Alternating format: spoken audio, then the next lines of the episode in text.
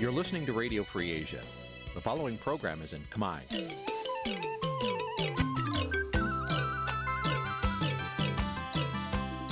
Nǐ chi càm bi tiệp xáy vệt chiu a zì sê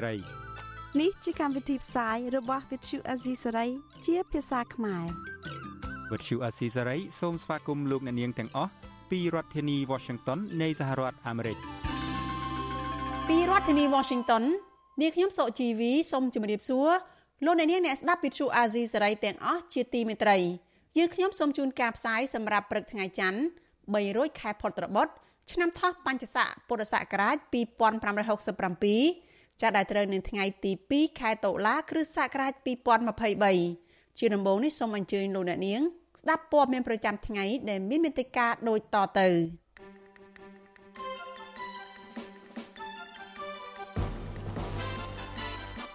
ស្ត្រីខ្មែរដែលរងគ្រោះពីការជួញដូរនៅប្រទេសឡាវស្នើអាជ្ញាធរឲ្យចាប់មេខ្យល់មកផ្ដន់ទាទោសមន្ត្រីធនាគារមួយបង្ខំគោលបំណុលឲ្យលក់ទ្រព្យសម្បត្តិយកលុយសងធនាគារពលរដ្ឋខ្មែររស់នៅប្រទេសកូរ៉េខាងត្បូងបង្កើតចលនាប្រជាធិបតេយ្យរួបរวมជាតិដើម្បីប្រជាធិបតេយ្យនៅកម្ពុជាពលរដ្ឋប៉ះពាល់ដោយការសាងសង់ប្រលានយន្តហោះអន្តរជាតិភ្នំពេញថ្មី នៅខេត្តកណ្ដាលទាមទារឲ្យក្រុមហ៊ុនពន្លឿនសងសំណងដីស្រែរួមនឹងព័ត៌មានសំខាន់សំខាន់មួយចំនួនទៀត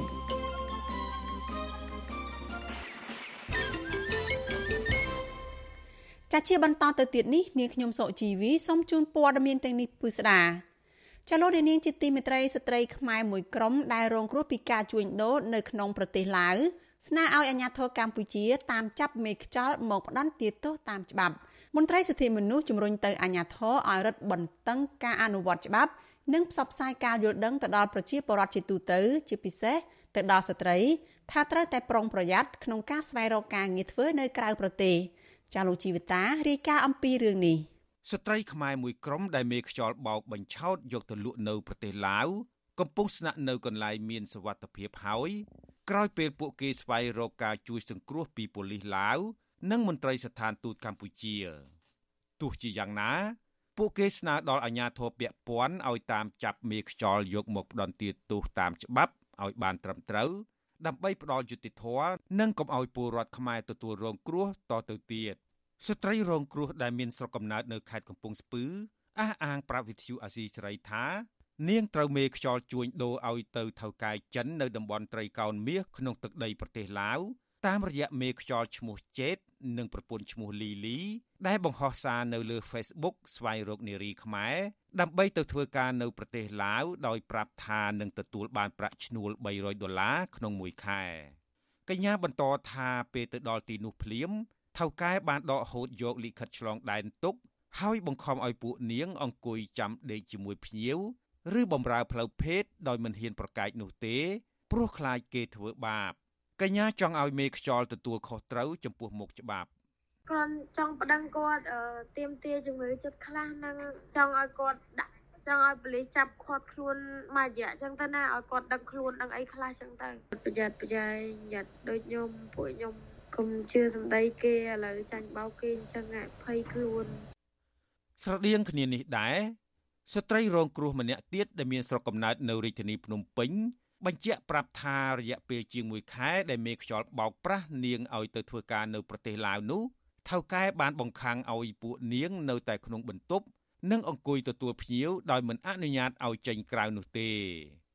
ស្ត្រីរូបនេះឲ្យដឹងទៀតថានាងចង់រត់គេចមកស្រុកខ្មែរវិញដែរតែថៅកែមិនព្រមប្រគល់លិខិតឆ្លងដែនឲ្យនោះទេបើទោះជាគ្រួសាររបស់នាងបានវេលុយឲ្យថៅកែជាង1000ដុល្លារក្តីមិនតែប៉ុណ្ណោះ ពួកនាងរងការគំរាមយកទៅលក់ឲ្យថៅកែផ្សេងទៀតផងអឺ មកប្រាប់ថាធ្វើ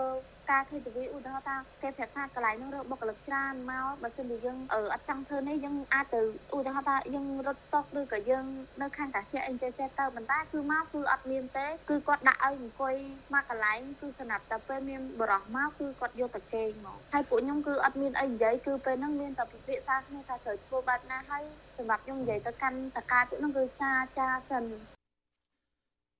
ស្ថានទូតកម្ពុជាប្រចាំប្រទេសឡាវបានប្រកាសថា មន្ត្រីស្ថានទូតបានសហការជាមួយមន្ត្រីប៉ូលីសឡាវនៅតំបន់ត្រីកោណមាស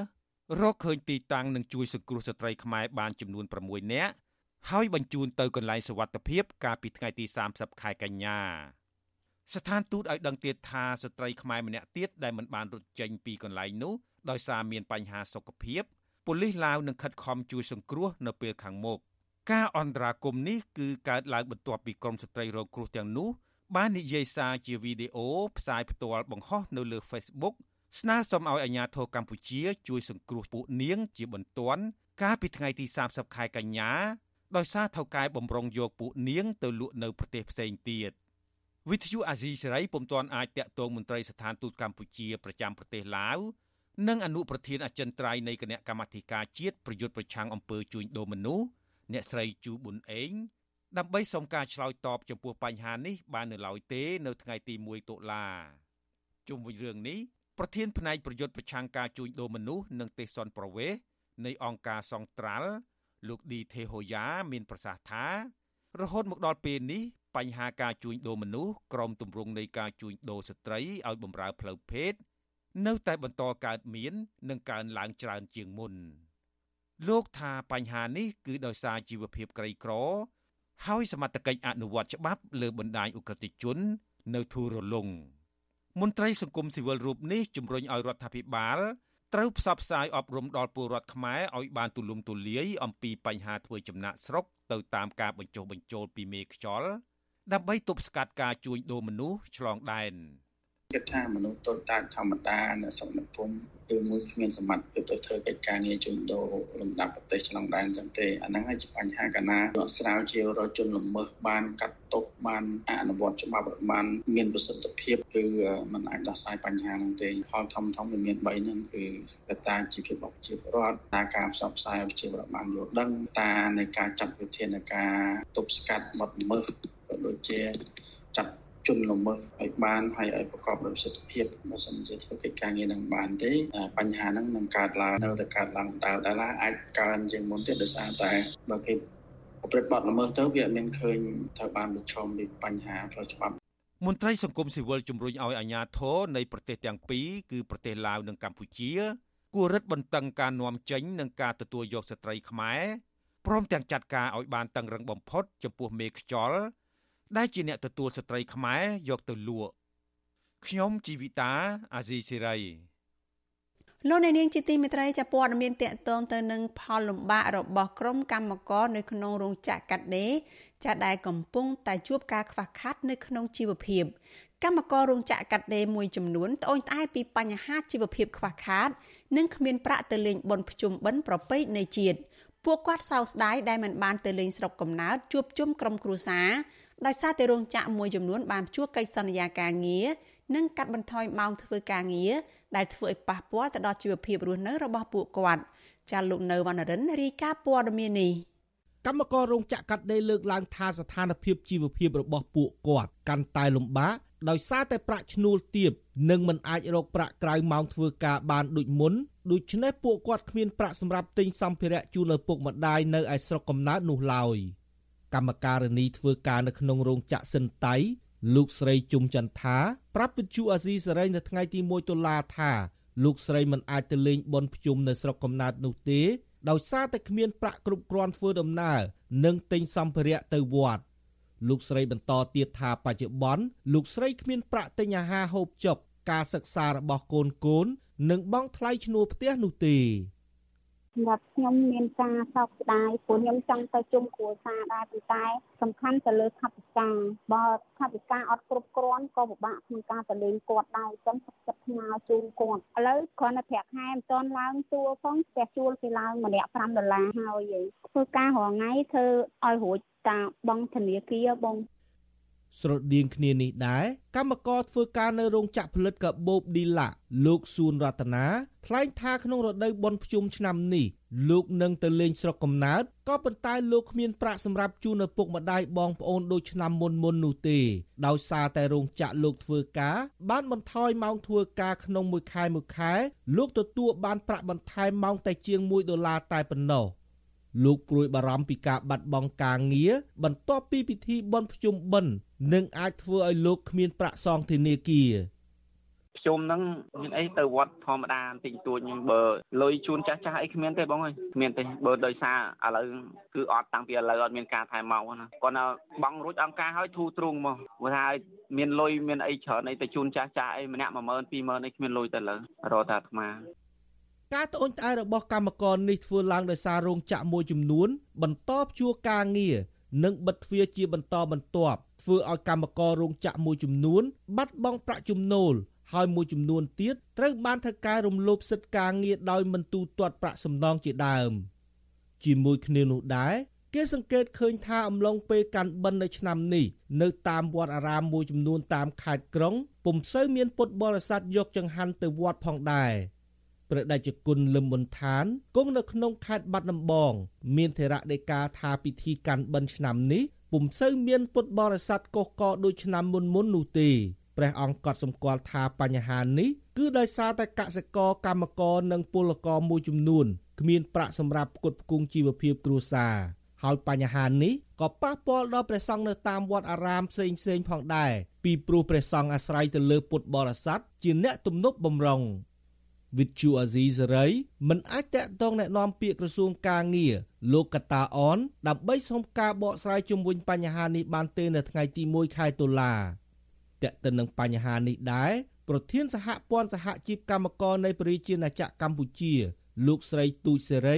មានប្រសាសន៍ថារាជរដ្ឋាភិបាលគួរតែយកចិត្តទុកដាក់ចំពោះជីវភាពរបស់កម្មករដែលកំពុងប្រឈមនឹងបញ្ហាបំណុលនិងគ្មានប្រាក់ទៅលេងពិធីបុណ្យភ្ជុំ អ្នកស្រីបន្តថារដ្ឋាភិបាលក៏គួរតែឲ្យកម្មករឈប់សម្រាកយ៉ាងហោចណាស់រយៈពេល5ថ្ងៃដើម្បីឲ្យពួកគាត់ទៅស្រុកកំណើតពីព្រោះកម្មករមួយចំនួន មានស្រុកកំណើតនៅឆ្ងាយ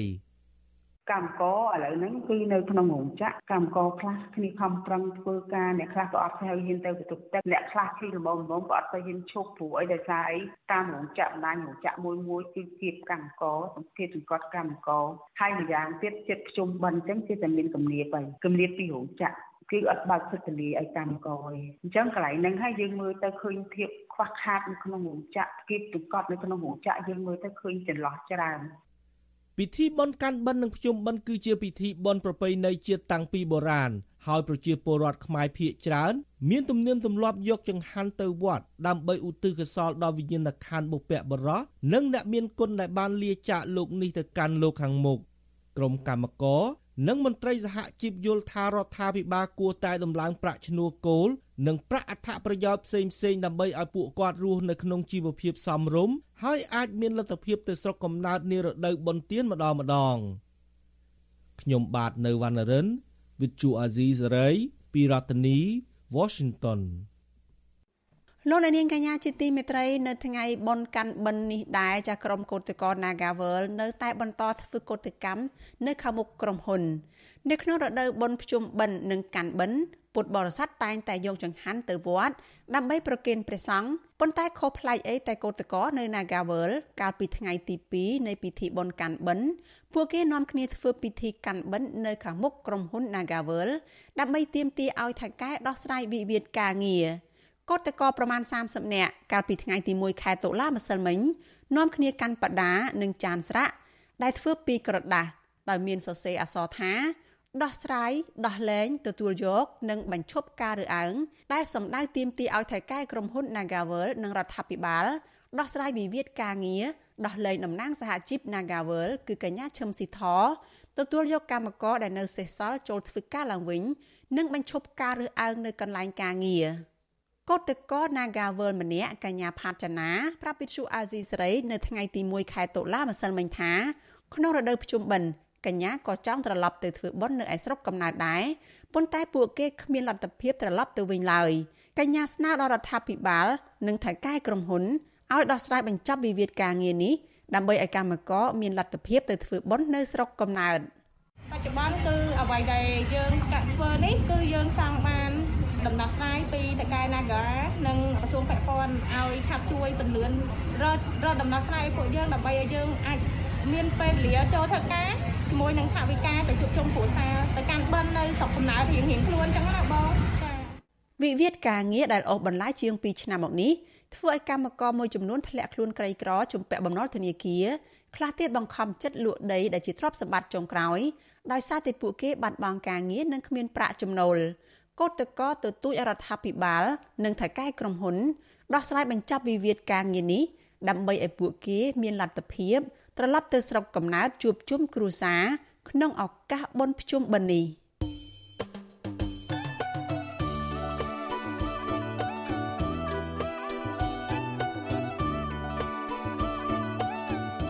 លោកអ្នកនាងកញ្ញាជាទីមេត្រីដំណើរគ្នានឹងស្ដាប់ការផ្សាយរបស់វិទ្យុអាស៊ីសេរី ចាតាមបណ្ដាញសង្គម Facebook YouTube និង Telegram លោកអ្នកនាងក៏អាចស្ដាប់ការផ្សាយរបស់វិទ្យុអាស៊ីសេរីតាមរយៈវិទ្យុរលកធាតុអាកាសខ្លីឬ Shortwave Post SW តាមកម្រិតនិងកម្ពស់ដូចតទៅនេះពេលព្រឹកចាប់ពីម៉ោង5កន្លះដល់ម៉ោង6កន្លះតាមរយៈ Post SW 12.14 MHz ស្មើនឹងកម្ពស់ 25m និង Post SW 13.71 MHz ស្មើនឹងកម្ពស់ 22m ពេលយប់ ចាប់ពីម៉ោង7កន្លះដល់ម៉ោង8កន្លះតាមរយៈ Post SW 9.33 MHz ស្មើនឹងកម្ពស់ 32m Post SW 11.88 MHz ស្មើនឹងកម្ពស់ 25m និង Post SW 12.15 MHz ស្មើនឹងកម្ពស់ 25m ចាសសូមអរគុណ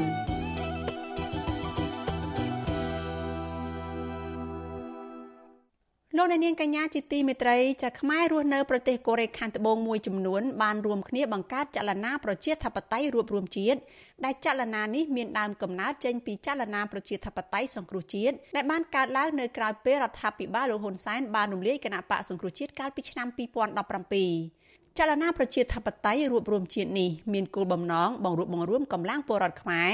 ដែលកំពុងរស់នៅនិងធ្វើការនៅប្រទេសកូរ៉េខាងត្បូងពីគ្រប់មជ្ឈដ្ឋាន ឲ្យធ្វើសកម្មភាពតស៊ូមតិដោយអហិង្សាសកម្មដើម្បីលើកកម្ពស់លទ្ធិប្រជាធិបតេយ្យនិងការគោរពសិទ្ធិមនុស្សនៅកម្ពុជាចាលោកអ្នកនាងនឹងបានស្ដាប់បទសម្ភាសជាមួយនឹងប្រធានគណៈកម្មការនយោបាយនៃចលនាប្រជាធិបតេយ្យរួបរวมជាតិលោកសសុខេមអំពីគោលដៅនៃការបង្កើតចលនានេះនៅពេលបន្តិចទៀតនេះ។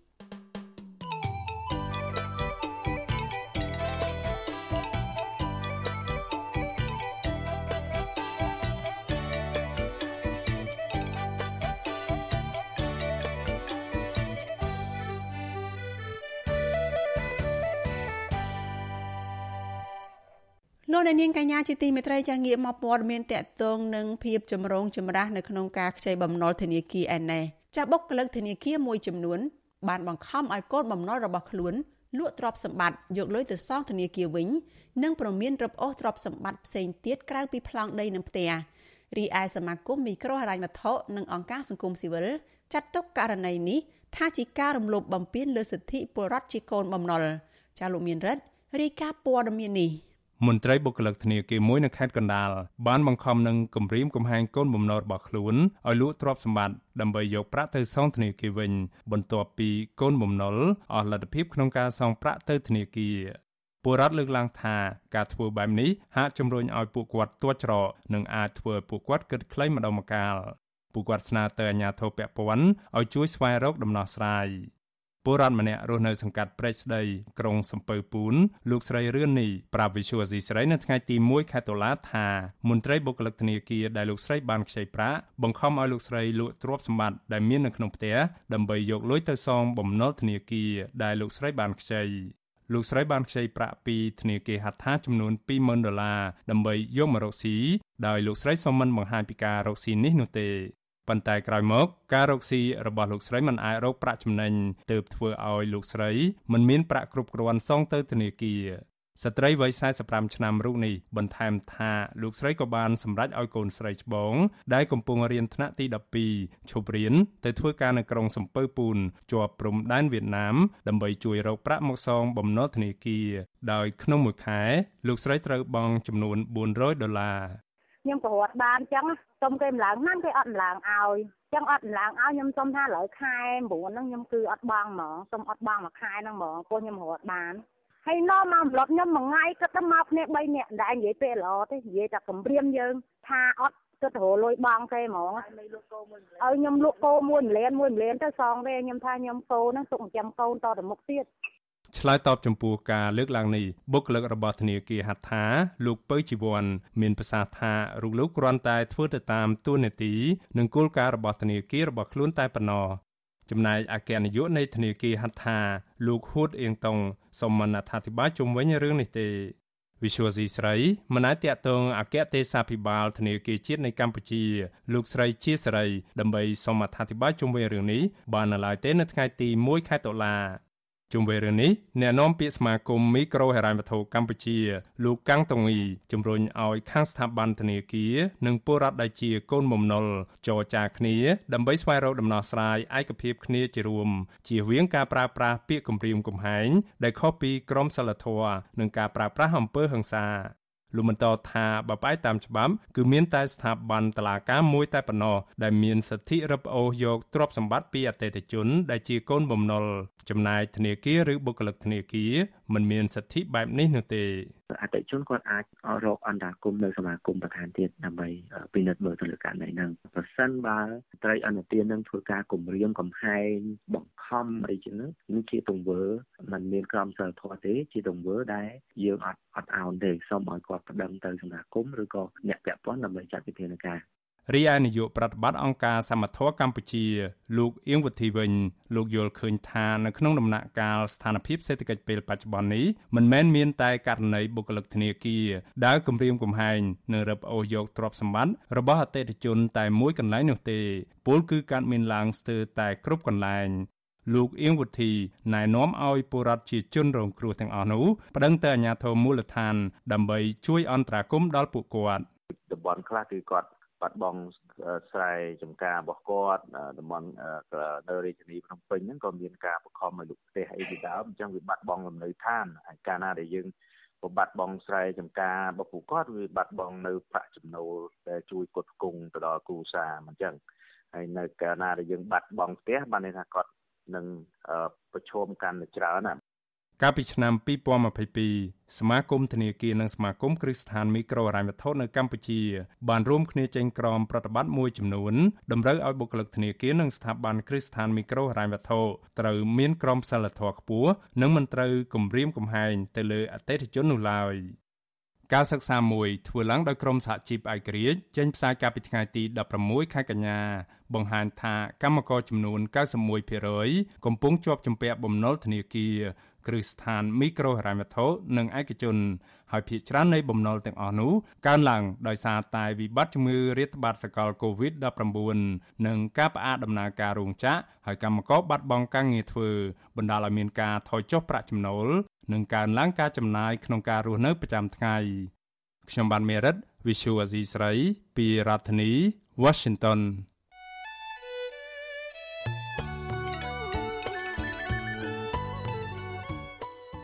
លោកនាងកញ្ញាជាទីមេត្រីចានៅក្នុងឱកាសនេះដែរនាងខ្ញុំសូមថ្លែងអំណរគុណដល់លោកនាងកញ្ញាទាំងអស់ដែលតែងតែមានភក្ដីភាពចំពោះការផ្សាយរបស់យើងហើយចាត់ទុកការស្ដាប់វិទ្យុអាស៊ីសេរីគឺជាផ្នែកមួយនៃសកម្មភាពប្រចាំថ្ងៃរបស់លោកអ្នកនាងចាការគ្រប់គ្រងរបស់លោកអ្នកនាងនេះហើយដែលធ្វើឲ្យយើងខ្ញុំមានទឹកចិត្តកាន់តែខ្លាំងថែមទៀតក្នុងការស្វែងរកនិងផ្តល់ព័ត៌មានពិតជូនលោកអ្នកនាង ចាំមានអ្នកស្ដាប់មានអ្នកទស្សនាកាន់តែច្រើន កាន់តែធ្វើឲ្យយើងខ្ញុំមានភាពស្វាហាប់និងមោះមុតជាបន្តទៅទៀតយើងខ្ញុំសូមអរគុណទុកជាមុនហើយសូមអញ្ជើញលោកអ្នកនាងកញ្ញាទាំងអស់ចូលរួមជំរុញឲ្យសកម្មភាពផ្តល់ព័ត៌មានរបស់យើងនេះកាន់តែជោគជ័យបន្ថែមទៀតចាលោកអ្នកនាងកញ្ញាអាចជួយយើងខ្ញុំបានដោយគ្រាន់តែចុចចែករំលែកឬក៏ share ការផ្សាយរបស់យើងនៅលើបណ្ដាញសង្គម Facebook និង YouTube ទៅកាន់មិត្តភ័ក្តិរបស់លោកអ្នកនាងចាដើម្បីឲ្យការផ្សាយរបស់យើងនេះបានទៅដល់មនុស្សកាន់តែច្រើនចាសសូមអរគុណ លោកអ្នកនាងកញ្ញាជាទីមេត្រីចាតតងទៅនឹងយុទ្ធនាការបោះសម្អាតគ្រឿងញៀនវិញម្ដងចាមន្ត្រីអង្គការសង្គមស៊ីវិលស្នើឲ្យអាជ្ញាធរបើកយុទ្ធនាការសម្អាតគ្រឿងញៀនជាទ្រង់ទ្រាយធំការលើកឡើងនេះកើតឡើងក្រោយពេលដែលអាជ្ញាធរបានបង្ក្រាបគ្រឿងញៀនជាបន្តបន្ទាប់ក៏ប៉ុន្តែនៅតែមិនទាន់បង្ហាញថាបញ្ហាគ្រឿងញៀននៅកម្ពុជាបានល្អប្រសើរនោះនៅឡើយទេចាលោកមានរិទ្ធមានសេចក្តីរាយការណ៍មួយទៀតអំពីរឿងនេះជូនលោកអ្នកនាង។ មន្ត្រីអង្គការសង្គមស៊ីវិលក៏សម្គាល់ថាបញ្ហាអសន្តិសុខសង្គមរួមមានក្មេងទំនើងចោរកម្មនិងអក្រិតកម្មភៀសច្រើនកើតចេញមកពីបញ្ហាគ្រឿងញៀនប្រធានមជ្ឈមណ្ឌលប្រជាពលរដ្ឋដើម្បីអភិវឌ្ឍនិងសន្តិភាពលោកយងកំឯងប្រាវិសុវស៊ីស្រីនៅថ្ងៃទី1ខែតុលាថាលោកបារម្ភដល់អនាគតយុវជនកម្ពុជា ដែលជាជនងាយរងគ្រោះនៃការប្រើប្រាស់គ្រឿងញៀននៅពេលដែលគ្រឿងញៀននៅតែបន្តធ្វើចរាចរណ៍នៅកម្ពុជា លោកបន្តថាបើទោះបីជាអាញាធរបានខិតខំប្រយុទ្ធប្រឆាំងនឹងបញ្ហាគ្រឿងញៀននេះក៏ដោយក៏បញ្ហាគ្រឿងញៀនមិនទាន់ធ្លាក់ចុះគួរឲ្យកត់សម្គាល់នៅឡើយទេតែប្រជាពលរដ្ឋបានចូលរួមហើយប្រជាពលរដ្ឋមានការទុកចិត្តទៅលើយន្តការរបស់រដ្ឋាភិបាលទៅត្រឹមត្រូវហើយគាត់មិនខ្លាចញញួតនៅក្នុងការរាយការណ៍ពីបញ្ហាគ្រឿងញៀនទេអានោះគឺវិធានការវិយុទ្ធប្រឆាំងវិធានការរបស់រដ្ឋាភិបាលហ្នឹងក៏មានប្រសិទ្ធភាពដែរបាទ លោកយងកំឯងបន្ថែមថាអាញាធរគួរបើកយុទ្ធនាការទ្រង់ទ្រាយធំដើម្បីបោសសម្អាតគ្រឿងញៀននិងស្វែងរកអ្នកនៅពីក្រោយខ្នងនៃអំពើជួញដូរគ្រឿងញៀននេះត្រូវបង្ក្រាបឲ្យបាននៅអំពើពុលួយនិងអ្នកដែលនៅពីក្រោយខ្នងបាទទីទីគឺតលការក្រាបហ្នឹងគឺមានការយោគយល់ទៅដល់ថាសាច់ញាតិការជិតពាក់ព័ន្ធអីណាបាទ ការលើកឡើងនេះធ្វើឡើងក្រោយពីអគ្គស្នងការដ្ឋាននគរបាលជាតិបានបង្ហាញពីទិន្នន័យនៃការបង្ក្រាបបទល្មើសគ្រឿងញៀនប្រចាំថ្ងៃចន្លោះពី10ទៅជាង40ករណីជារៀងរាល់ថ្ងៃកាលពីខែកញ្ញាកន្លងទៅហើយឃាត់ខ្លួនបានអ្នកជាប់ពាក់ព័ន្ធនៅក្នុងមួយថ្ងៃចន្លោះពីជិត20នាក់ដល់ជាង150នាក់ វិសុវអាស៊ីស្រីនៅពុំទាន់អាចតាក់ទងแนะនាំពីអគ្គស្នងការដ្ឋាននគរបាលជាតិលោកឆៃកំខឿននិងអគ្គស្នងការរងនគរបាលជាតិទទួលបន្ទុកបង្ក្រាបបទល្មើសគ្រឿងញៀនលោកម៉ាជីតូដើម្បីសុំការឆ្លើយតបជុំវិញបញ្ហានេះបាននៅឡើយទេនៅថ្ងៃទី1ខែតុលា កាលពីថ្ងៃទី14ខែកញ្ញាលោកនាយរដ្ឋមន្ត្រីហ៊ុនម៉ាណែតបានប្រគល់ទូនាទីជាប្រធានអាជ្ញាធរជាតិប្រយុទ្ធប្រឆាំងនឹងគ្រឿងញៀនឲ្យទៅឧបនាយករដ្ឋមន្ត្រីលោកណេតសវឿនដើម្បីដោះស្រាយបញ្ហាគ្រឿងញៀននេះ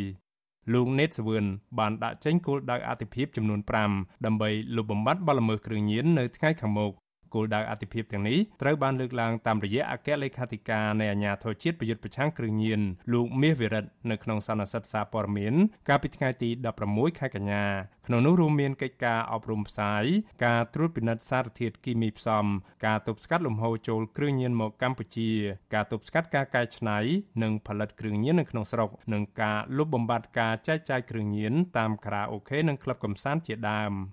បើទោះបីជាមានផែនការយ៉ាងនេះក្តីក៏បទល្មើសគ្រឿងញៀននៅតែកើតមានច្រើនជាដដែល របាយការណ៍របស់អាជ្ញាធរជាតិប្រយុទ្ធប្រឆាំងគ្រឿងញៀននារយៈពេល8ខែដើមឆ្នាំ2023នេះសមាជិកបង្ក្រាបបានបទល្មើសគ្រឿងញៀនជាង5000ករណីឃាត់ខ្លួនជនល្មើសជាង12000នាក់និងចាប់យកសារធាតុញៀនបានជាង2តោនកន្លះសារធាតុគីមីផ្សំជិត1តោនរួមនឹងវត្ថុពាក់ព័ន្ធមួយចំនួនទៀត មន្ត្រីអង្គការសង្គមស៊ីវិលនៅតែស្នើដល់រដ្ឋាភិបាលឲ្យបើកយុទ្ធនាការទ្រង់ទ្រាយធំដើម្បីបោះសម្អាតគ្រឿងញៀនដោយគ្មានការយោគយល់ដល់អ្នកជាប់ពាក់ព័ន្ធទាំងអស់ជាពិសេសលោកបំបត្តិចោលអំពើពុករលួយនៅក្នុងពេលចុះអនុវត្តច្បាប់ខ្ញុំបានមេរិត Visual Asia ស្រីពីរដ្ឋធានី Washington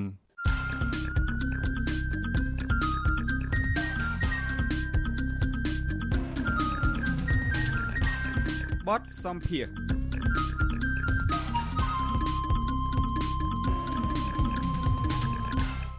លោកអ្នកនាងកញ្ញាប្រិយមិត្តអ្នកស្ដាប់ជាទីមេត្រី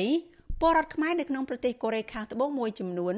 រួមគ្នាបង្កើតចលនាប្រជាធិបតេយ្យរួបរวมជាតិដែលចលនានេះមានដើមកំណើតចេញពីចលនាប្រជាធិបតេយ្យសង្គ្រោះជាតិដែលបានកើតឡើងនៅក្រៅពេលរដ្ឋាភិបាលលោកហ៊ុនសែនរំលាយគណៈបកសង្គ្រោះជាតិកាលពីឆ្នាំ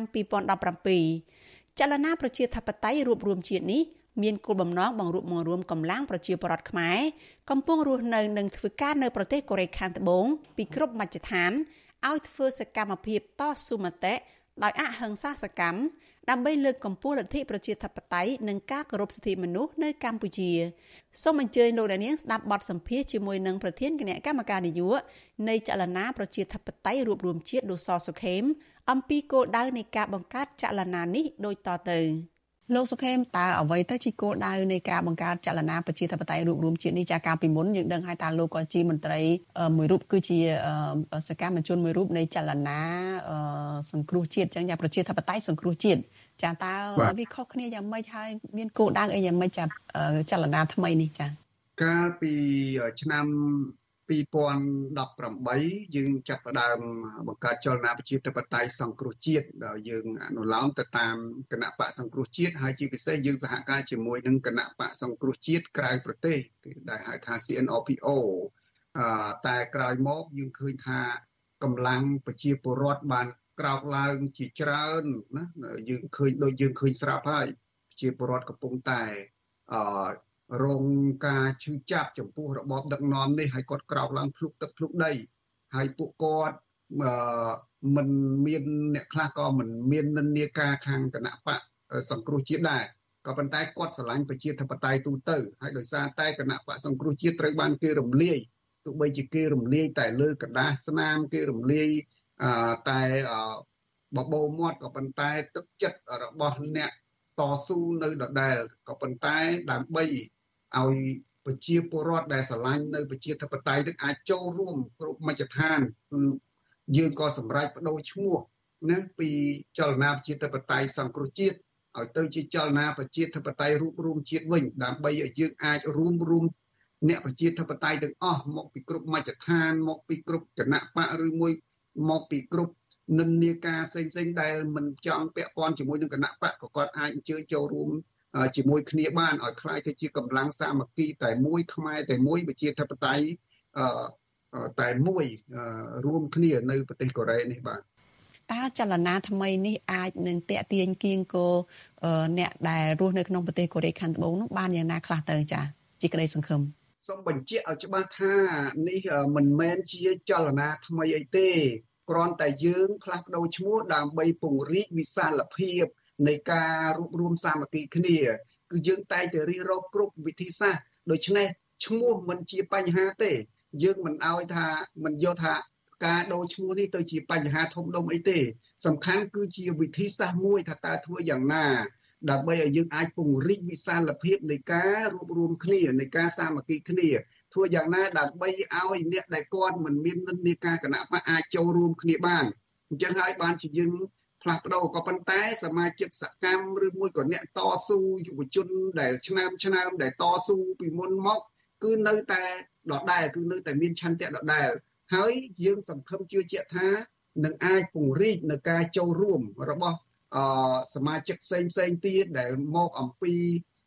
និន្នាការផ្សេងផ្សេងដូចជាស្ត្រីដែលគាត់រៀបការស្វាមីកូរ៉េឬអ្នកដែលចូលសញ្ជាតិកន្លងមកគាត់តែងតែបញ្ចេញទស្សនៈ បង្ហាញអំពីភាពអយុត្តិធម៌បង្ហាញអំពីភាពឈឺឆ្អាលចំពោះសង្គមជាតិហើយកន្លងមកគាត់មិនដែលពាក់ព័ន្ធជាមួយគណៈបកហ្នឹងគឺឃើញថាពួកគាត់ក៏ចាប់ផ្ដើមងាកមកចូលរួមដែរដោយមើលឃើញថានេះគឺជាការបើកចំហបើកចំហនៅ ប្រជាធិបតេយ្យសម្រាប់ជាផ្លូវមួយឲ្យពួកគាត់អាចមកចូលរួមជាមួយនឹងយើងបានបាទ ចាមកដល់ពេលនេះនឹងចានាយករដ្ឋមន្ត្រីថ្មីលោកហ៊ុនម៉ាណែតបានកាន់តំណែងចាជាង1ខែមកហើយហើយតើខាងចលនានឹងមើលឃើញថាអ្វីទៅជាអតិភិបដែលពួកលោកនឹងគួរធ្វើដើម្បីជំរុញឲ្យមានការប្រែប្រួលផ្នែកប្រជាធិបតេយ្យនិងសិទ្ធិមនុស្សនៅកម្ពុជា នៅក្នុងដំណាក់កាលនៃការឡើងកាន់អំណាចថ្មីថ្មោងរបស់លោកហ៊ុនម៉ាណែតនេះចាជឿឃើញថាការបំផុសបំផុលតាមបណ្ដាញសង្គមគឺមានឥទ្ធិពលខ្លាំងណាស់ សប្ថ្ងៃនេះគឺអតិពលដែលធ្វើឲ្យរដ្ឋាភិបាលនឹងគាត់អឺគៀងដំណើរនៅក្នុងគំនិតនៅក្នុងអង្គើផ្ដាច់ការរបស់គេណោះគឺដោយសារតែអតិពលនៃបណ្ដាញសង្គមយើងនឹងពង្រីកនៅការផ្សព្វផ្សាយនេះ ហើយយើងនឹងលើកទឹកចិត្តឲ្យសមាជិករបស់យើងអឺដើម្បីឲ្យគាត់បានចូលរួមសស័កសស្រាមនៅក្នុងការជួយផ្សព្វផ្សាយគ្នាហើយយើងនឹងរិះរកវិធីផ្សេងផ្សេងថាតើធ្វើយ៉ាងណាដើម្បី ឲ្យអប្រជាពលរដ្ឋឬក៏យុវជនផ្សេងផ្សេងដែលនៅកូរ៉េដែរតែគាត់មិនសូវអ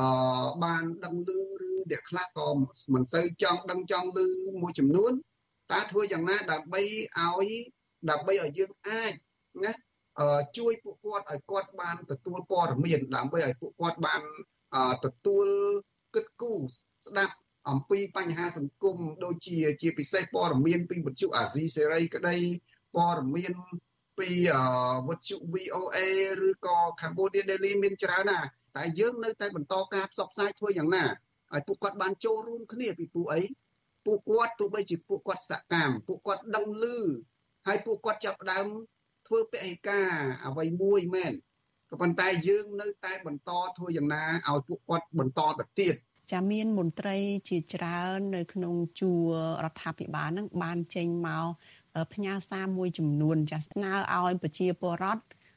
អ្នកដែលប្រើប្រាស់បណ្ដាញសង្គមទាំង lain នេះចាប់ផ្ដើមផ្សព្វផ្សាយព័ត៌មានពីចំណុចវិជ្ជមាន ពីអ្វីដែលជារឿងល្អល្អនៅក្នុងសង្គមហ្នឹង ទៅកាន់បណ្ដាញសង្គមនឹងទៅដើម្បីឲ្យបរទេសដើម្បីឲ្យអ្នកដែលនៅក្រៅប្រទេសនឹងថាមើលឃើញថាប្រទេសខ្មែរនឹងមានការរីកចម្រើនមានការគោរពសិទ្ធិមនុស្សមានរឿងល្អល្អជាច្រើនណាស់ហើយនឹងអាចតេទៀងអ្នកវិនិយោគតេទៀងជនបរទេសដែលជាទេសចរនោះមកមកកម្ពុជាតើលោកយល់ឃើញយ៉ាងណាចំពោះរឿងនេះតើការផ្សព្វផ្សាយរបស់ក្រម របស់លោកខាងបណ្ដាញចលនាប្រជាធិបតេយ្យរួមរួមគ្នារួមរួមជាតិហ្នឹងតើវាជាផលវិជ្ជមានឬក៏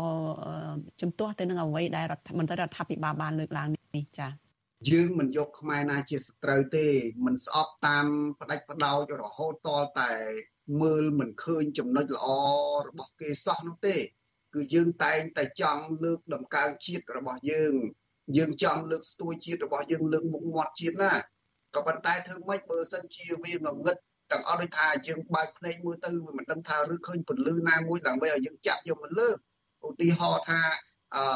មួយកញ្ច្រែងអញ្ចឹងស្រូវនឹងវាសិតតែស្កកទាំងអស់ហើយដល់ពេលយើងចាប់មួយណាក៏ស្កកមួយណាក៏ស្កកយកទៅបង្ហាញគេមិនដឹងថាចាប់មួយណា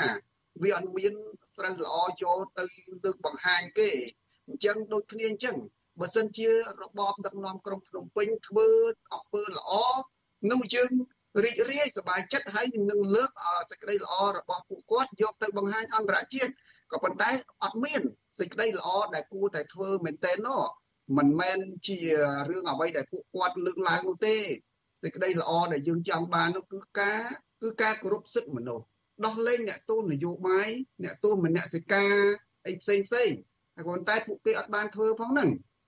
ការជួយផ្ដល់យុត្តិធម៌ដល់ប្រជាពលរដ្ឋពួកគេអត់បានធ្វើផងហ្នឹង កិច្ចការទាំងអស់ហ្នឹងមិនតែប្រជាពលរដ្ឋខ្មែរយើងទេសូម្បីតែអន្តរជាតិក៏ដោយគឺគេផ្ដោតទៅលើរឿងហ្នឹងគេចង់ឃើញរឿងចឹងចឹងណាហើយបើយើងបានឃើញរឿងយុត្តិធម៌យើងសប្បាយចិត្តយើងផ្សព្វផ្សាយដល់អ្វីដែលយើងស្រែកអំពាវនាវគឺដើម្បីឲ្យរដ្ឋាភិបាលហ្នឹងធ្វើការល្អនឹងឯងឲ្យតែគេធ្វើគេតែគេតែងតែកុហកសូម្បីតែមកដល់ពេលនេះក៏ដោយសេដ្ឋកិច្ចធ្លាក់ក៏គេនៅតែកុហកថាឡើងភ្ញៀវទេសចរឡើងស្ងាត់ក៏គេនៅតែកុហកថាកើនឡើងរាប់លានអ្នក អាទង្វើអញ្ចឹងអញ្ចឹងថាតើយើងយកពាក្យល្អរបស់គេយកទៅលើកយ៉ាងម៉េចហើយរបបរាល់ថ្ងៃហ្នឹងយើងគេថារបបអឺគេហៅថារដ្ឋាភិបាលក្បាលធំប៉ុន្តែខ្ញុំមើលទៅខ្ញុំថាមិនមែនក្បាលធំទេបើក្បាលធំគឺអាចមានខួរធម្មតាក្បាលមានខួរនៅក្នុងខួរមានសតិសម្បញ្ញៈមានមនសិការចេះអាណិតចេះស្រឡាញ់ចេះស្គាល់ខុសស្គាល់ត្រូវស្គាល់ប្រជាពលរដ្ឋឯងប៉ុន្តែរដ្ឋាភិបាលនេះមិនមែនក្បាលធំខ្ញុំថាកាពះធំតែហ្មង ពីព្រោះកាពះធំដែលចំហហ្នឹងគឺស៊ីមិនចេះឆ្អែតអញ្ចឹងយើងត្រូវតែនាំគ្នាសហការគ្នាធ្វើយ៉ាងណាផ្លាស់ប្ដូររបបដឹកនាំឲ្យឈានទៅដល់របបដឹកនាំថ្មីមួយគឺដែលបែបប្រជាធិបតេយ្យរបស់យើងទាំងអស់គ្នាទើបយើងបានសុខសាន្តទាំងអស់គ្នាបាទសូមអរគុណសូមអរគុណលោកហើយជម្រាបលាលោកត្រឹមប៉ុណ្ណេះចា៎បាទសូមអរគុណសូមជម្រាបលាបាទលោកអ្នកនាងកញ្ញាជាទីមេត្រី ចាលោកអ្នកទើបបានស្ដាប់បទសម្ភាសជាមួយនឹងប្រធានគណៈកម្មការនយោបាយនៃចលនាប្រជាធិបតេយ្យរួបរวมជាតិលោកសសុខេមអំពីខ្មែរនៅប្រទេសកូរ៉េបង្កើតចលនាប្រជាធិបតេយ្យរួបរวมជាតិដើម្បីជួយដល់ការលើកកម្ពស់ប្រជាធិបតេយ្យនៅកម្ពុជា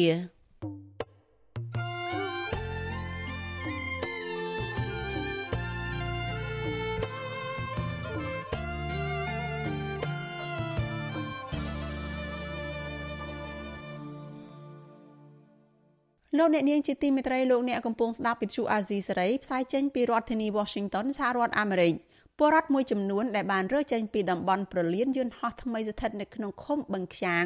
និងឃុំកណ្ដោកស្រុកកណ្ដាលស្ទឹងខេត្តកណ្ដាលនិងឃុំពុតសស្រុកបាទីខេត្តតាកែវបន្តទៀមទាឲ្យក្រុមហ៊ុន OCIC របស់លោកអុកញ៉ាពុងខៀវសែដែលទទួលសាងសង់ប្រលានយន្តហោះថ្មីនេះផ្ដល់សំណងដីស្រែរបស់ពួកគាត់ឲ្យបានសមរម្យ មន្ត្រីអង្គការសង្គមស៊ីវិលស្នើដល់រដ្ឋាភិបាលឲ្យជួយអន្តរាគមន៍ទៅក្រុមហ៊ុនផ្ដល់តម្លៃដីស្រែសមស្របទៅតាមតម្លៃទីផ្សារទៅដល់ពលរដ្ឋចាលូទីនសាការីយ៉ារាយការណ៍ព័ត៌មាននេះកម្មករជាង100នាក់ដែលទទួលមកការសាងសង់ចម្រោកសម្រាប់ពលរដ្ឋដែលមកតាំងទីលំនៅថ្មីកំពុងសាងសង់ផ្ទះជាច្រើនខ្នងដែលមិនទាន់រួចរាល់នៅឡើយការសាងសង់ផ្ទះនេះគឺស្ថិតនៅក្នុងឃុំអំពៅព្រៃស្រុកកណ្ដាលស្ទឹងខេត្តកណ្ដាលផ្ទះដែលកំពុងសាងសង់នោះ គឺជាកម្មសិទ្ធិរបស់បរិវត្តមួយចំនួនដែលរើមកពីទីតាំងពលានយន្តហោះអន្តរជាតិភ្នំពេញថ្មីនៅខាងចុងខ្នងផ្ទះទាំងនោះទើបនឹងចាក់គ្រឹះសាងសង់នៅឡើយគឺជាកម្មសិទ្ធិរបស់លោកអៀបសុធីដែលជាបរិវត្តម្នាក់ធ្លាប់រស់នៅក្នុងភូមិកំពង់តាឡុងឃុំបឹងខ្ចាងស្រុកកណ្ដាលស្ទឹងអស់រយៈពេលជិត30ឆ្នាំមកហើយរហូតដល់គម្រោងអភិវឌ្ឍពលានយន្តហោះភ្នំពេញអន្តរជាតិថ្មីបង្ខំឲ្យលោកចាក់ចេញនិងទទួលយកសំណងនេះ លោកអៀបសុធីបានផ្លាស់ទីលំនៅមកតាំងទីលំនៅថ្មីទើបតែបាន3ខែក្រោយពីលោកបង្ខំទទួលយកការដោះដូរមួយចំនួនពីក្រុមហ៊ុនដូចជា ដីផ្ទះនិងសំណងជាទឹកប្រាក់ចំនួន37,000ដុល្លារលោកអៀបសុធីបានឲ្យដឹងថានេះគឺជាការទទួលយកដោយបង្ខំដោយសារតែលោកបាត់បង់ផ្ទះដែលមានតម្លៃជាង50,000ដុល្លារផលដំណាំ និងដីស្រែជាង1ហិកតាលោកអៀបសុធីបន្ថែមថាដីស្រែរបស់លោកដែលលក់នៅលើទីផ្សារ 1ម៉ែត្រការ៉េតម្លៃ50ដុល្លារប៉ុន្តែខាងក្រុមហ៊ុននៅតែឲ្យ8ដុល្លារក្នុង1ម៉ែត្រការ៉េតែប៉ុណ្ណោះលោកបន្ថែមថាតម្លៃដែលក្រុមហ៊ុនផ្ដល់ជូនមិនអាចឲ្យលោកមានលទ្ធភាពទៅទិញដីស្រែនៅតំបន់ថ្មីសម្រាប់ប្រកបមុខរបរចិញ្ចឹមជីវិតនោះឡើយ។ បើនិយាយទៅខ្ញុំកំពុងតែគិតជាមួយគ្រួសារព្រមទាំងប្រជាពលរដ្ឋនៅក្នុងភូមិថានៅនោះយើងមានដីស្រែចម្ការប្រកបមុខរបរចិញ្ចឹមជីវិតដល់មកដល់ពេលនេះការលក់ដូរក៏យើងមិនអាចលក់ដូរបានទី1ទី2ស្រែចម្ការយើងក៏អត់មានធ្វើអនាគតខ្ញុំមិនដឹងជាពឹងអីទេលោកអៀបសុធីបានស្នើដល់រដ្ឋាភិបាលថ្មីជួយអន្តរាគមន៍ទៅខាងក្រុមហ៊ុនឲ្យផ្ដល់សំណងសមរម្យជូនរូបលោកនិងបរិវត្តប្រមាណជា10%ទៀតដែលមិនទាន់ទទួលយកតម្លៃដែលខាងក្រុមហ៊ុនបានកំណត់ឲ្យ លោកអៀបសុធីបារម្ភថាបើក្រុមហ៊ុននៅតែអស់បន្លាយមិនព្រមផ្ដល់ដំណោះស្រាយនោះទេគ្រួសារលោកនឹងខ្ចីបុលធនាគារដើម្បីបញ្ចប់ការសាងសង់ផ្ទះស្របពេលដែលលោកកំពុងតែគ្មានការងារធ្វើផងនោះចឹងនៅពេលដែលខ្ញុំខ្ចីធនាគារមកធ្វើផ្ទះបង្ហើយហ្នឹងមានន័យថាអើយខ្ញុំបារម្ភបារម្ភទាំងទី1ខ្ញុំអត់មានស្រែចម្ការធ្វើអ្វីដែលខ្ញុំចង់បាន គឺចង់ចង់បានស្រែចម្ការមកកបប្រកបមុខរបរដើម្បីសងដល់ធនាគារចឹងណា កន្លងមកតំណាងបរដ្ឋជាង500គ្រួសារដែលរងផលប៉ះពាល់ពីគម្រោងសាងសង់ពលានយន្តហោះអន្តរជាតិភ្នំពេញថ្មី នៅខេត្តកណ្ដាលបានឡើងមកដាក់លិខិតតាមស្ថាប័នរដ្ឋនានាស្នើដល់រដ្ឋាភិបាលឲ្យជួយអន្តរាគមន៍ទៅដល់ក្រុមហ៊ុនដើម្បីផ្ដល់សំណងសមរម្យជូនពួកគាត់ចំណែកឯបរិមម្នាក់ទៀតលោកស្រីលូនវណ្ណា លើកឡើងថាគ្រូសាលោកស្រីបានបាត់បង់ដីស្រែជាង1500ម៉ែត្រការ៉េដែលក្រុមហ៊ុនមិនទាន់ផ្ដល់សំណងជូន លោកស្រីលូនវណ្ណាទទូចថាក្រុមហ៊ុនដែលមានលុយរាប់លានដុល្លារសាងសង់ពលានយន្តហោះត្រូវតែផ្ដល់សំណងសមរម្យជូនពលរដ្ឋដែលត្រូវការដីសម្រាប់ធ្វើស្រែចិញ្ចឹមជីវិត អូនឯងដឹងស្រាប់ហើយយកទៅទិញកន្លែងណាបានដែលនៅជិតផ្ទះគឺបានទេតតែនៅឆ្ងាយពីផ្ទះរាប់រយគីឡូដីបានអាចទៅទិញបានណា8ដុល្លារវិញនោះហើយបើនៅក្បែរក្បែរពលាននេះគេដាក់ឡើង70 80ទិញបានទេអាចតែខុសពីលបងពលានគឺដីថ្លៃហ្មងគេដាក់សិតតែ80 70មានតែដល់100ទៀតឲ្យថាដីជាប់ផ្លូវអាចជាប់ផ្លូវសិតតែ100ជាង Facebook អចលនទ្របមួយដែលមានឈ្មោះថា Advent Real Estate កាលពីថ្ងៃទី29កញ្ញាបានវាតម្លៃថា តម្លៃដីជិតពលានយន្តហោះថ្មីស្ថិតនៅក្នុងសង្កាត់ក្រាំងយើស្រុកស្អាង មានតម្លៃ68ដុល្លារក្នុង1ម៉ែត្រការ៉េទោះជាយ៉ាងណាអភិបាលខេត្តកណ្ដាលលោកកុងសុភ័ណ្ឌបានឲ្យដឹងថាអាជ្ញាធរខេត្តកណ្ដាលព្យាយាមស្វាស្វែងរកដំណោះស្រាយជូនពលរដ្ឋរួចហើយហើយខាងក្រុមហ៊ុនបានកំណត់តម្លៃដី8ដុល្លារក្នុង1ម៉ែត្រការ៉េមុនគម្រោងសាងសង់ទន្ទឹមនឹងនេះអភិបាលខេត្តកណ្ដាលលោកកុងសុភ័ណ្ឌមិនបានចាប់អារម្មណ៍ចំពោះពលរដ្ឋដែលស្នើឡើងដើម្បីសុំស្វែងរកដំណោះស្រាយនោះទេ ប៉ុន្តែលោកបែរជាអំពាវនាវឲ្យពលរដ្ឋទទួលយកសំណងទៅតាមតម្លៃក្រុមហ៊ុនដែលកំណត់ទៅវិញការដោះដូរនេះគឺបងប្អូនបានទទួលយកគឺតែទាំងស្រុងហើយហើយតម្លៃនេះបើយើងនិយាយអំពីមុនការអភិវឌ្ឍគេហៅថាដោះស្រាយជូនបងប្អូនតម្លៃដីធ្លីមុនការដែលយើងធ្វើពលានគឺវាស័ក្តិសមតម្លៃនៅទីនោះគឺវាប្រមាណតែហាក់ប្រហែលនឹងឯងតែទៅនឹងបញ្ហានេះ អ្នកសម្របសម្រួលគម្រោងធុរកិច្ចនិងសិទ្ធិមនុស្សរបស់មជ្ឈមណ្ឌលសិទ្ធិមនុស្សកម្ពុជាលោកវ៉ាន់សុផាត មានប្រសាសន៍ថាខាងភៀកគីក្រុមហ៊ុនបានកេងចំណេញលើពលរដ្ឋពីព្រោះក្រុមហ៊ុនបានឲ្យតម្លៃផ្ទះនិងដីស្រែចម្ការទាបជាងតម្លៃទីផ្សារតាំងពីដំបូងលោកវ៉ាន់សុផាត លើកឡើងទៀតថារដ្ឋគួរតែអន្តរាគមន៍ដើម្បីឲ្យភៀកគីក្រុមហ៊ុនផ្ដល់សំណងបន្ថែមដល់ពលរដ្ឋឲ្យបានសមស្របតាមច្បាប់អសាមិក យើងឃើញថាមានភាពបានយុត្តិធម៌សម្រាប់ប្រជាពលរដ្ឋដែលរងប៉ះពាល់នឹងបាត់បង់ដីធ្លីណាណាយើងប្រៀបធៀបទៅតម្លៃដែលថាកំណត់មុនប្រកាសអាសាមីកហ្នឹងគឺជាតម្លៃលើកទៀតបាទ3ដុល្លារក្នុង1ម៉ែត្រការ៉េតែបច្ចុប្បន្នទីផ្សារពី80ទៅជាង100ដុល្លារក្នុង1ម៉ែត្រការ៉េអញ្ចឹងវាឃើញថាវាមានភាពខុសគ្នាឆ្ងាយ ក្រុមហ៊ុនសាជីវកម្មវិនិយោគក្រៅប្រទេសហៅកាត់ថា OCIC របស់លោកពុងខៀវសែដែលជាអ្នកជំនួញស្និទ្ធនឹងអតីតនាយករដ្ឋមន្ត្រីហ៊ុនសែនទទួលបានសិទ្ធិសាងសង់ប្រលានយន្តហោះខ្នាតអន្តរជាតិមួយនេះប៉ុន្តែគម្រោងអភិវឌ្ឍខ្នាតយក្សមួយនេះបានបង្កប់នៅទឹកភ្នែករបស់កសិករជាច្រើនគ្រួសារដោយសារតែការកាត់ដីតាមអនុក្រឹត្យថ្ងៃទី3មិថុនាឆ្នាំ2020របស់រដ្ឋាភិបាលក្នុងទំហំប្រហែលជាជិត3000ហិកតា ដែលជន់លើដីស្រែរបស់ប្រជាពលរដ្ឋនៅខេត្តកណ្ដាលខ្ញុំម៉ាទីនសាការីយ៉ាអាស៊ីសេរីប្រធានាធិបតី Washington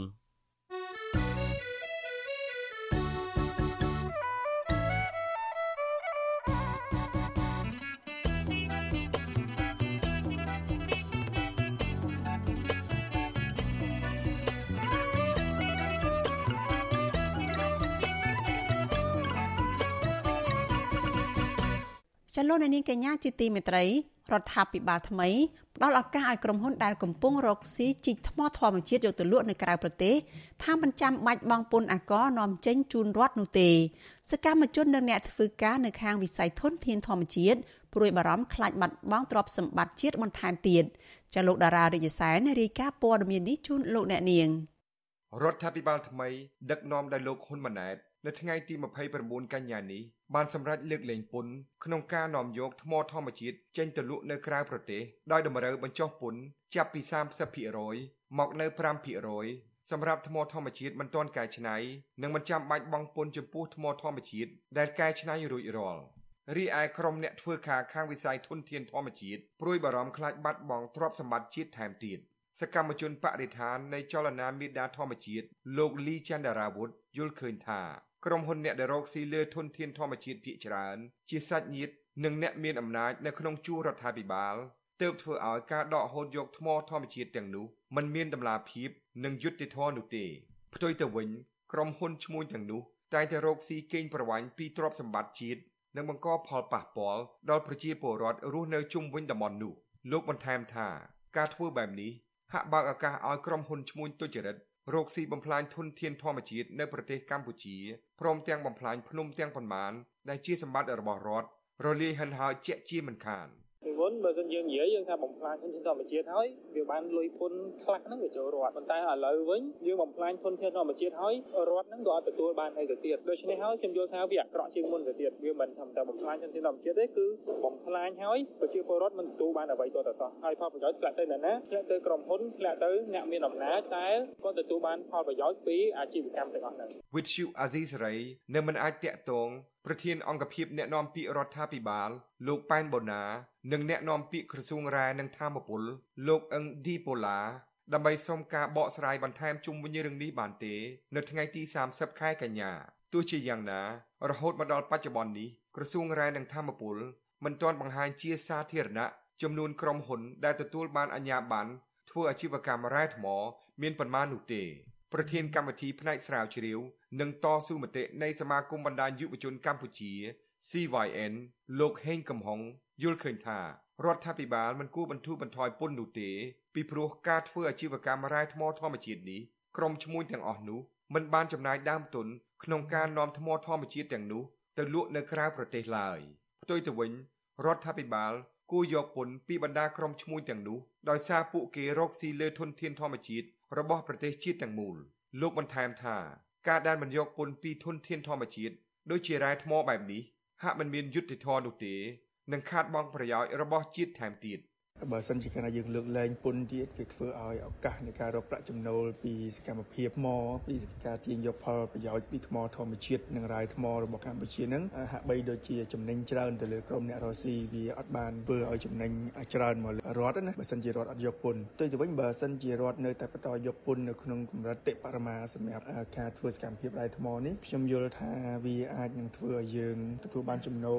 មួយផ្នែកទៀតហើយរដ្ឋក៏អាចទៅកាត់បន្ថយបន្ទុកពន្ធនៅផ្នែកផ្សេងទៀតគេហទំព័ររបស់ធនាគារពិភពលោកបានចេញផ្សាយថា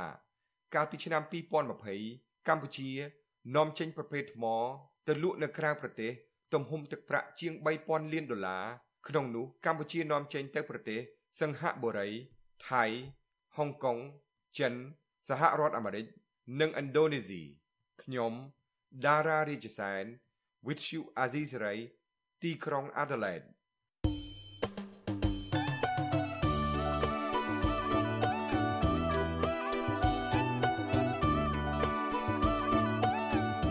លោកអ្នកនាងកញ្ញាជាទីមេត្រីដំណើរគ្នានឹងស្ដាប់ការផ្សាយរបស់ Vithu Azizi Serai ជាតាមបណ្ដាញសង្គម Facebook YouTube និង Telegram លោកអ្នកនាងក៏អាចស្ដាប់ការផ្សាយរបស់ Vithu Azizi Serai តាមរយៈវិទ្យុរលកធាតុអាកាសខ្លីឬ Shortwave Post SW តាមកម្រិតនិងកម្ពស់ដូចតទៅនេះពេលព្រឹកចាប់ពីម៉ោង5កន្លះដល់ម៉ោង6កន្លះតាមរយៈ Post SW 12.14 MHz ស្មើនឹងកម្ពស់ 25m និង Post SW 13.71 MHz ស្មើនឹងកម្ពស់ 22m ពេលយប់ចាប់ពីម៉ោង7កន្លះដល់ម៉ោង8កន្លះតាមរយៈ Post SW 9.33 MHz ស្មើនឹងកម្ពស់ 32m Post SW 11.88 MHz ស្មើនឹងកម្ពស់ 25m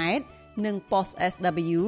12.15 MHz ស្មើនឹងកម្ពស់ 25m ចាសសូមអរគុណ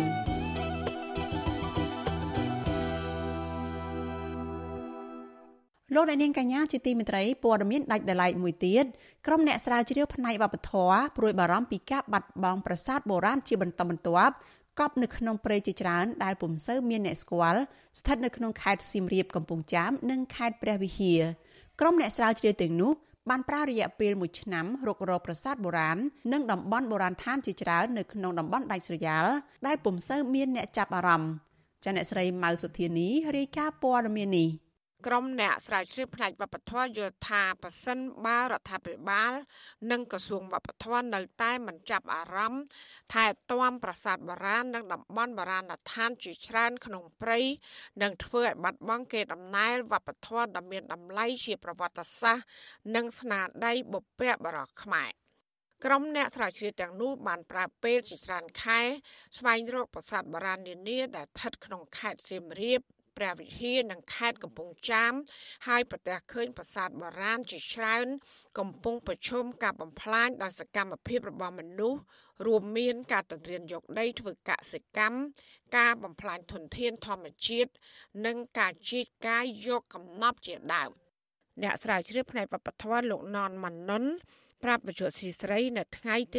29ខែកញ្ញាថាក្រុមការងាររបស់លោកបានប្រទះឃើញប្រាសាទបុរាណជាច្រើន ស្ថិតក្នុងស្រុកស្វាយលើខេត្តសៀមរាប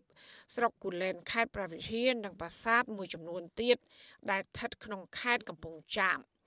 លោកថាមានប្រាសាទជាច្រើនគ្មានឈ្មោះ ខ្លះសតែខឿនគ្រឹះចម្លាក់អក្សរបុរាណនិងខ្លះទៀតនៅរូបរាងល្អនៅឡើយហាក់ត្រូវបានគេទុកចោលមិនថែទាំលោកបន្ថែមថាសូម្បីតែផ្លូវធ្វើដំណើរចូលប្រាសាទទាំងនោះ និងស្លាកសញ្ញាបង្ហាញពីទីតាំងប្រាសាទក៏នៅមិនទាន់មាននៅឡើយ។ បើទោះបីជាប្រាសាទហ្នឹងនៅសល់ស្លាកស្នាមតិចក្តីអញ្ចឹងក៏វាជាបុរាណស្ថានថាជាទីតាំងបង្ហាញពីអរិយធម៌វប្បធម៌ក៏ដូចជាបង្ហាញពីស្លាកស្នាមថាជាទឹកដីស្នាដៃពុទ្ធបរិសយើងពីមុនមកដែរអញ្ចឹងណាឧទាហរណ៍ថាមានប្រាសាទហ្នឹងយើងទុកទីតាំងហ្នឹងទៅកុំឲ្យជាពលរដ្ឋគាត់យកដីហ្នឹងទៅធ្វើស្រែចម្ការអីទៅហើយជាពិសេសភូមិភូមិហ្នឹងគឺគាត់ដាក់ស្លាកជាសញ្ញាមានន័យថាមានជួរស្រែផ្លូវទៅបើមិនជាអត់មានផ្លូវ ចំណែកបរដ្ឋរស់នៅខេត្តសៀមរាប ដែលតែងតែនាំភ្ញៀវទេសចរទស្សនាប្រាសាទលោកកំសៃរកឃើញថាប្រាសាទទ្រង់ប្រាសាទរើប្រាសាទគងភ្លុក និងប្រាសាទភ្នំសណ្ដោស្ថិតនៅក្នុងខេត្តសៀមរាប និងខេត្តព្រះវិហារនោះក៏នៅមិនទាន់មានផ្លូវធ្វើដំណើរល្អចូលទៅកាន់ប្រាសាទទាំងនោះនៅឡើយ។ រីឯប្រាសាទជាច្រើនទៀតក៏គ្មានផ្លូវចូលទៅដែរហើយអ្នកទេសចរត្រូវធ្វើដំណើរដោយថ្មើរជើង ក្នុងចម្ងាយផ្លូវជាច្រើនគីឡូម៉ែត្រឮថាឃើញគេទ្រុសគេអុយចិត្តចិត្តនោះដែលបើតំបន់ផ្សារនៅល្អឃើញថាបើគេអញ្ញាធូគេនៅតំបន់នោះគេអត់ជួយថែសារមិនដឹងយ៉ាងណាដូចថាដូចថាខ្ញុំមានព្រួយអារម្មណ៍ខ្លះដែរបើដូចថាយើងអត់ហ៊ានអាកា ឆ្លើយតបរឿងនេះអ្នកនាំពាក្យអាជ្ញាធរជាតិអប្សរាលោកលងកុសលបកស្រាយថាការថែទាំប្រាសាទបុរាណកប់ក្នុងព្រៃនិងនៅតំបន់ដាច់ស្រយាលនោះគឺហួសពីដែនសមត្ថកិច្ចរបស់អាជ្ញាធរអប្សរាតែយ៉ាងណាលោកថាក្រសួងវប្បធម៌មិនធ្វេសប្រហែសឡើយក្នុងការកែលម្អថែទាំនិងជួសជុលប្រាសាទបុរាណនានានៅក្នុងខេត្តនីមួយៗក៏ប៉ុន្តែអ្វីជាឧបសគ្គនោះ គឺលទ្ធភាពថវិកានៅមានកម្រិតយើងចង់កែលម្អយើងចង់កែកុនយើងចង់ធ្វើឲ្យមានភាពល្អប្រសើរវាស្ថិតនៅលើថវិការបស់យើងយើងមានគ្រប់គ្រាន់លទ្ធភាពរបស់យើងអត់ណាយើងត្រូវដាក់កំណត់អតិភិបតើត្រូវអតិភិបនេះអតិភិបនោះលក្ខនឹងលក្ខអញ្ចឹងណាបងណាជុំវិញរឿងនេះប្រធានសមាគមមគ្គទេសទេសចរខ្មែរអង្គរលោកខៀវធីយល់ថាប៉ះសិនបាញាធរថែទាំប្រាសាទបុរាណក្នុងព្រៃ ដោយរៀបចំហេដ្ឋារចនាសម្ព័ន្ធឲ្យល្អនិងរួមចំណែកការពារធនធានធម្មជាតិនិងបរិស្ថាននៅជុំវិញប្រាសាទដែលជាផ្នែកមួយ ដើម្បីលើកកម្ពស់វិស័យទេសចរក្នុងតំបន់លោកក៏បានបញ្ជាក់ទៀតថាកន្លែងដែលស្រូបទាញភ្ញៀវទេសចរនោះពុំមែនមានតែតំបន់អង្គរតែម្យ៉ាងនោះទេ រចនាសម្ព័ន្ធប្រាសាទបុរាណនិងស្ពានបុរាណជាច្រើនដែលកប់ក្នុងព្រៃក៏ជាទីតាំងគួរតែចាប់អារម្មណ៍ ក្នុងការអភិវឌ្ឍវិស័យទេសចរនោះដែរយើងការពារតំបន់ព្រៃឈើឲ្យបានហើយកុំឲ្យមានណារំលោភបំពានធ្វើជាអវយវ័យជារបស់ឯកជនណាព្រោះជារបស់រួមជាបរទេសគឺស្គាល់ប្រទេសខ្មែរកាន់តែច្រើនបងណានេះប្រយោជន៍សំខាន់ណាស់បងផ្សព្វផ្សាយជាសាធារណៈ អ្នកសិក្សាស្រាវជ្រាវវប្បធម៌បន្ថែមថាក្រសួងវប្បធម៌គួរតែការពារឲ្យបាន នៅគុណតម្លៃតំបន់បរាណដ្ឋាន និងប្រាសាទជាច្រើនកុំឲ្យមានការរំលោភបំពានជាសម្បត្តិឯកជន។ វជ្ជស៊ីស្រីនៅមិនទាន់អាចតាក់ទងសុំការបំភ្លឺរឿងនេះពីរដ្ឋលេខាធិការនិងជាប្រធានក្រុមអ្នកនាំពាក្យក្រសួងវប្បធម៌លោកសុំម៉ាប់បាននៅឡើយទេនៅថ្ងៃទី29ខែកញ្ញាដោយសារទូរស័ព្ទហៅចូលច្រើនដងតែគ្មានអ្នកលើក អ្នកស្រាវជ្រាវវប្បធម៌រកឃើញទៀតថាប្រាសាទដ៏ធំមួយទៀតគឺប្រខណ្ឌកំពង់ស្វាយស្ថិតនៅក្នុងខេត្តព្រះវិហារត្រូវជន់ខើខូចកាប់បំផ្លាញដើមឈើធំធំលក់ធ្វើឲ្យប៉ះពាល់បរិស្ថាននៅជុំវិញប្រាសាទនោះពួកគេក៏បានស្នើរដ្ឋាភិបាល គួរតែអភិរក្សឲ្យបានល្អនិងកសាងផ្លូវចូលទៅទីនោះ ដើម្បីជំរុញឲ្យវិស័យទេសចរលូតលាស់គ្រប់តំបន់ ចាននាងខ្ញុំម៉ៅសុធានីវិទ្យុអសីស្រីប្រធានាធិបតី Washington thank you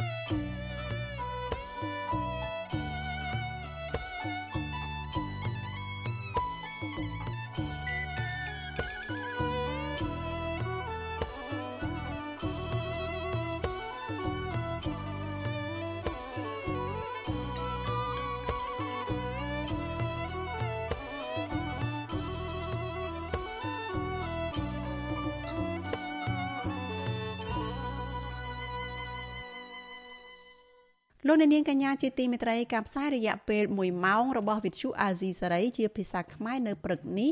ចាប់ត្រឹមតែប៉ុណ្ណេះនាងខ្ញុំសុជីវីព្រមទាំងក្រុមការងារទាំងអស់នៃវិទ្យុអាស៊ីសេរីចាសសូមអរគុណដល់លោកអ្នកនាងដែលតែងតែតាមដានស្ដាប់ការផ្សាយរបស់យើងតាំងពីដើមរៀងមកចាសយើងខ្ញុំសូមជូនពរដល់លោកអ្នកនាងកញ្ញានិងក្រុមគ្រួសារទាំងអស់សូមប្រកបតែនឹងសេចក្តីសុខសុភមង្គលនិងសុខភាពល្អកុំបីឃ្លៀងឃ្លាតឡើយនាងខ្ញុំសូមអរគុណនិងសូមជម្រាបលា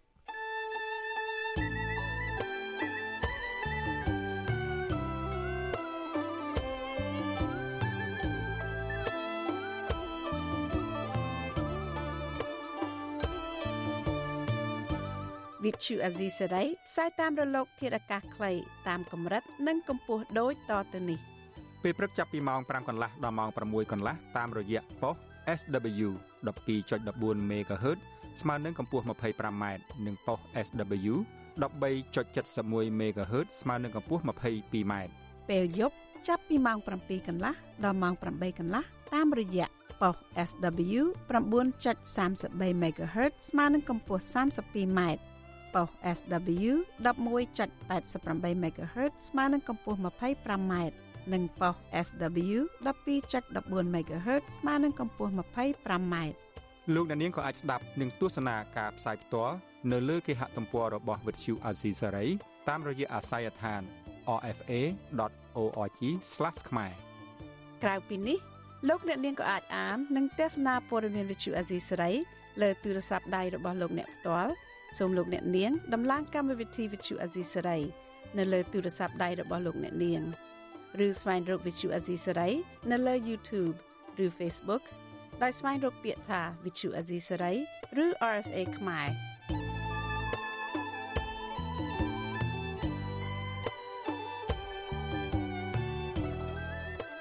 សូមលោកអ្នកនាងចុច like follow និងចុច subscribe ដើម្បីទទួលបានព័ត៌មានថ្មីៗទាន់ហេតុការណ៍ និងទស្សនាវីដេអូផ្សេងៗទៀតបានគ្រប់ពេលវេលា thank you